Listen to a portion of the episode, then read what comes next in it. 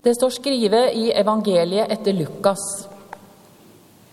I flokk og følge drog folk ut for å bli døypte av Johannes, og han sa til deg, ormeyngel, hvem har lært deg korleis det skal slippe under den vreiden som skal komme? Så bær da frukt som viser at det er omvendte. Prøv ikke å seie til deg sjølve, vi har Abraham til far. For jeg seier dykk, Gud kan vekke opp born for Abraham av disse steinene. Øksa ligger alt inne rota på trea. Kvart tre som ikke bærer god frukt, blir hogget ned og kasta på elden. Hva skal vi da gjøre, spurte folket. Han svara, Den som har to kjortler, skal dele med den som ingen har og den som har mat, skal gjøre det samme. Det kom òg nokre tollarar og ville bli døypte. De spurte, Meister, hva skal vi gjøre? Krev ikke inn mer enn det som er fastsett, svarer han. Og vi, hva skal vi gjøre? spurte nokre soldater. Han svarer, truga ikke penger fra noen med vald eller falske skyldninger men vær fornøgde med løna dykkar. Folket gikk nå i venting, og alle tenkte i sitt hjerte Tru om Johannes kan være Messias? Da tok han til orde og sa til dei alle, Eg døyper dykk med vatn, men det kjem ein som er sterkare enn eg, og eg er ikke engang verdig til å løysa sandalreima hans. Han skal døypa dykk med Den hellige ande og eld. Han har kasteskovla i handa for å reinsa kornet på treskeplassen. Kveiten skal han samla i låven sin, men agnene skal han brenna som eld som aldri sloknar. Dette og mykje anna la han folket på hjartet når han forkynte budskapen for deg. Slik lyder det heilage evangeliet.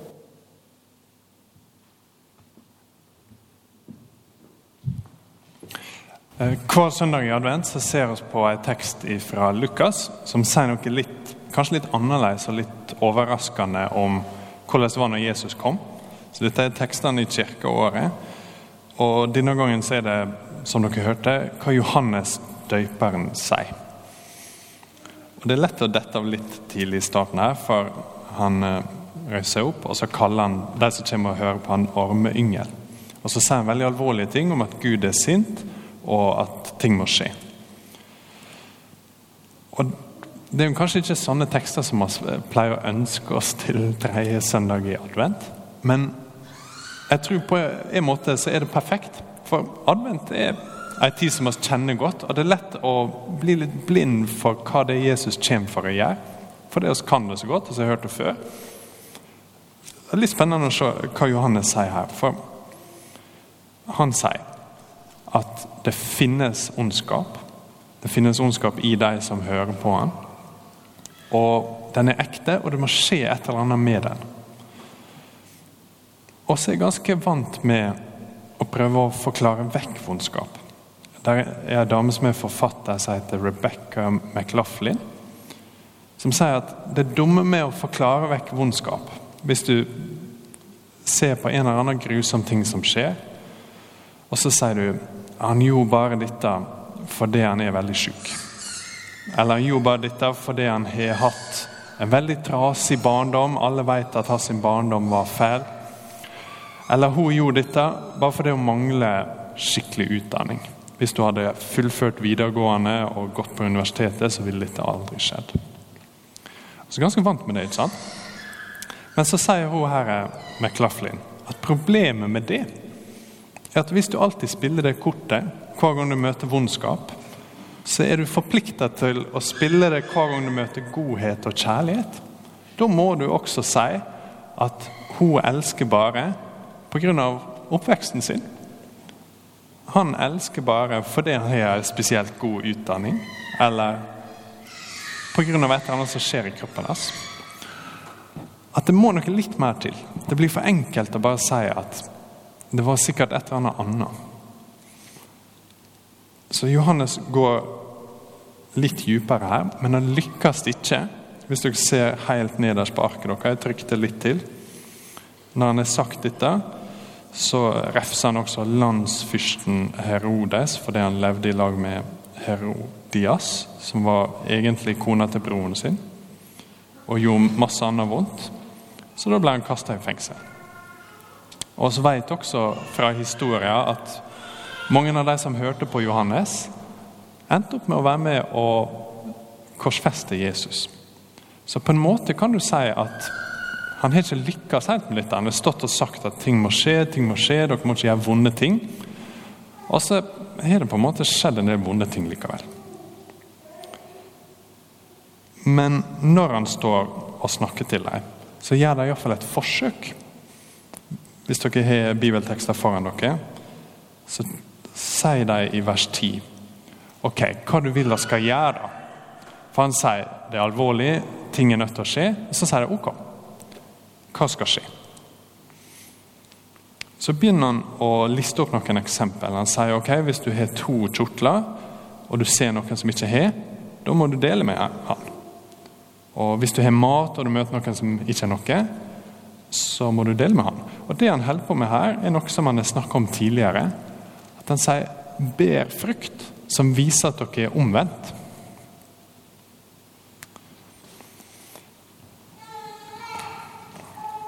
Det høres ganske vanskelig ut.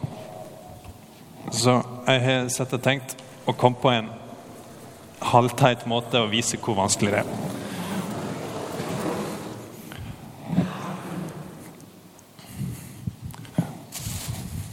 Johannes sier ber frukt som viser at dere er omvendt. Hvis ting er dødt, hvor lett er det å bære frukt? Sant? Han har noe som han ser for seg som Han ser liksom for sitt indre øye hvor han vil, hva som skal til. At her skal du ha en gjeng med folk som eh, skal begynne å bære masse gode frukter. Og det er ikke så lett å få til, ikke sant? For han har allerede sagt at det står ganske alvorlig til. Um,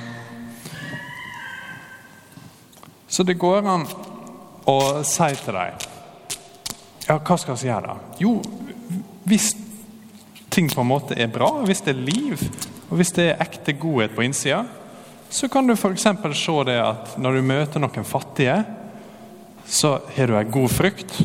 Du deler det du har med deg. Og så går de hjem og tenker ok, jeg må på en måte finne et sånn godhetseple.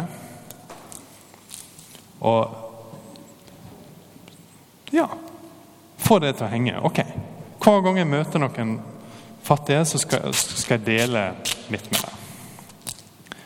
Og så sier jeg ok, hvis du har mat, eh, del det. Hvis du er eh, toller er et av de andre eksemplene, så må ikke du utpresse folk. Så jeg, ok, ja, jeg jobber som toller. Jeg må huske det. Jeg må aldri utpresse noen. Så kanskje jeg kan begynne å bære litt frukt, ikke sant? Det funka.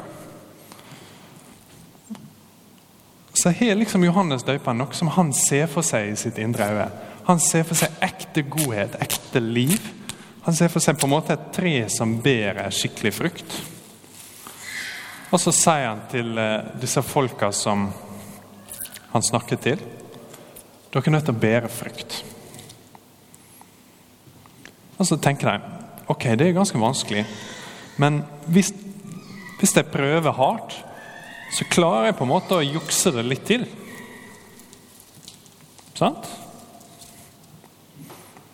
Sånn, Johannes. Eh, det var det du var ute etter, ikke sant? Et tre som bærer frukt. Problemet er at det, det, Johannes sier her, det er ikke vanskelig. Det er umulig. At hvis et tre er så dødt som dette er, så kan ikke du få det til å bære frukt. Hvis du begynner å teipe på ting, så er det bare tull. Så når han sier til deg her at hva skal dere gjøre? Dere skal bære frukt som viser at dere er omvendt. Så er han egentlig ikke ute etter at de bare skal stå og gjøre masse gode ting. Han er ute etter at det skal være liv. De skal ikke være som et dødt tre i det hele tatt. De skal være som et levende tre.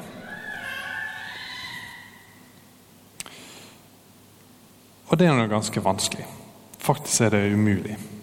Og Derfor begynner han ganske fort å snakke om en som skal komme. Han sier at dere er nødt til å ha et nytt hjerte. Dere må døpes med Den hellige ande og med ild. Og det skal komme en som skal gjøre akkurat det. Hvis dere ser eh, på slutten der, så snakker han om Jesus. Det kommer en som er sterkere enn jeg. Jeg er ikke engang verdig til å løse sandalreimet hans. Han skal døype dere med Den hellige ande og eld. Han er kasteskovla i handa for å rense kornet på treskeplassen. Kveiten skal samle i låven sin, men angene skal brenne med eld som aldri slukker.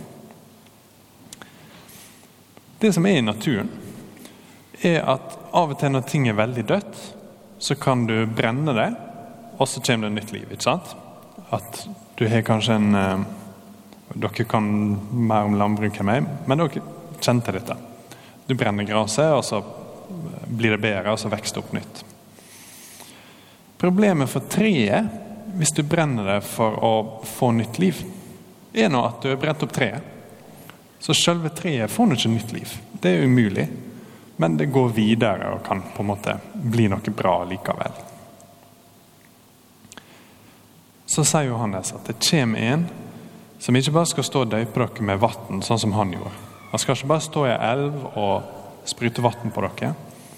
Han skal gi dere Den hellige ande, som kan gi liv til de som er døde. Og han skal komme med ild. Men den ilden er et problem, ikke sant? For ting er alvorlig gale. Her står de folka som eh, kommer til å drepe Jesus. Indirekte, iallfall. Her står folk som har gjort masse gale ting, og som ikke lever sånn som Gud ønsker. Og så sier han til dem dere må slutte å være døde, dere må bli levende. Bli som et levende tre som bærer masse god frukt.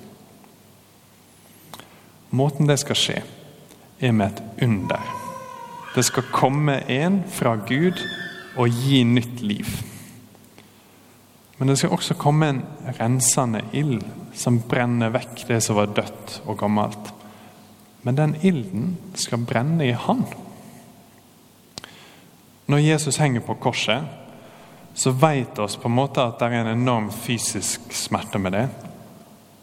Men noe som vi ikke helt klarer å ta inn over oss, tror jeg, og som vi kanskje ikke kan forstå heller, er den enorme smerta, den på en måte ilden som brenner inni han, når han som alltid har vært i Guds nærhet, blir avstøtt og forkasta og blir dømt for alt det vonde som er skjedd, han som aldri har gjort noe vondt. I sjela hans så er selve kjerna av lidelsen hans. Det brenner i han med en forferdelig ild. Men den samme ilden som brenner i han, brenner også rein. Johannes sier et eller annet i starten som kan virke litt sånn tilfeldig. Han sier i vers 8.: Prøv ikke å si til dere sjøl 'Vi har Abraham til far'. For jeg sier dere, Gud kan vekke opp barn for Abraham av disse steinene. Så han sier Det er ikke nok å komme til Johannes han står og på en måte snakker alvorlig med dem, at ting må endre seg, dere må begynne å bære frukt. Så sier han det er ikke nok å komme og spille rasekortet eller slektskortet. Sånn, også jøder som er i slekt med Abraham. Så derfor kan ikke komme og si noe gale til oss. For han sier Gud kan få denne steinen her til å bli barn av Abraham. Det kan virke ganske tilfeldig. Men dette er det store håpet vårt. At oss som er døde og tørre på innsida, sånn som de var, kan få nytt liv. Ingenting er umulig for Gud. Det er umulig for meg å gi nytt liv til dette treet her sånn at det bærer frukt. Og det har aldri båret noe pære eller bananer. Men ingenting er umulig for Gud. Sjøl en stein kan han gjøre til barn av Abraham. Sjøl et dødt tre kan han få nytt liv i og få til å bære frukt. Og sjøl et menneske som meg og deg kan han komme inn i med Den hellige ande, gi nytt liv, sånn at vi kan bære god frukt. Ikke fordi vi går og later som og har på en måte funnet en eller annen teit måte å teipe det på utsida, men fordi det er faktisk liv. Han skjer Han skaper gode ting, sånn at gode ting skjer. Vi ber litt. Gode far, oss ber om at dette underet skal skje i oss alle. At tørrhet, død og tomhet skal bli til liv, fylde og god frukt som kommer fram med Den hellige ande. Kjærlighet og glede og fred og mildhet og selvkontroll og godhet. Alle andens frukt ber oss om skal vokse fram i oss gjennom det mirakelet som du gjør med De hellige ande. Amen.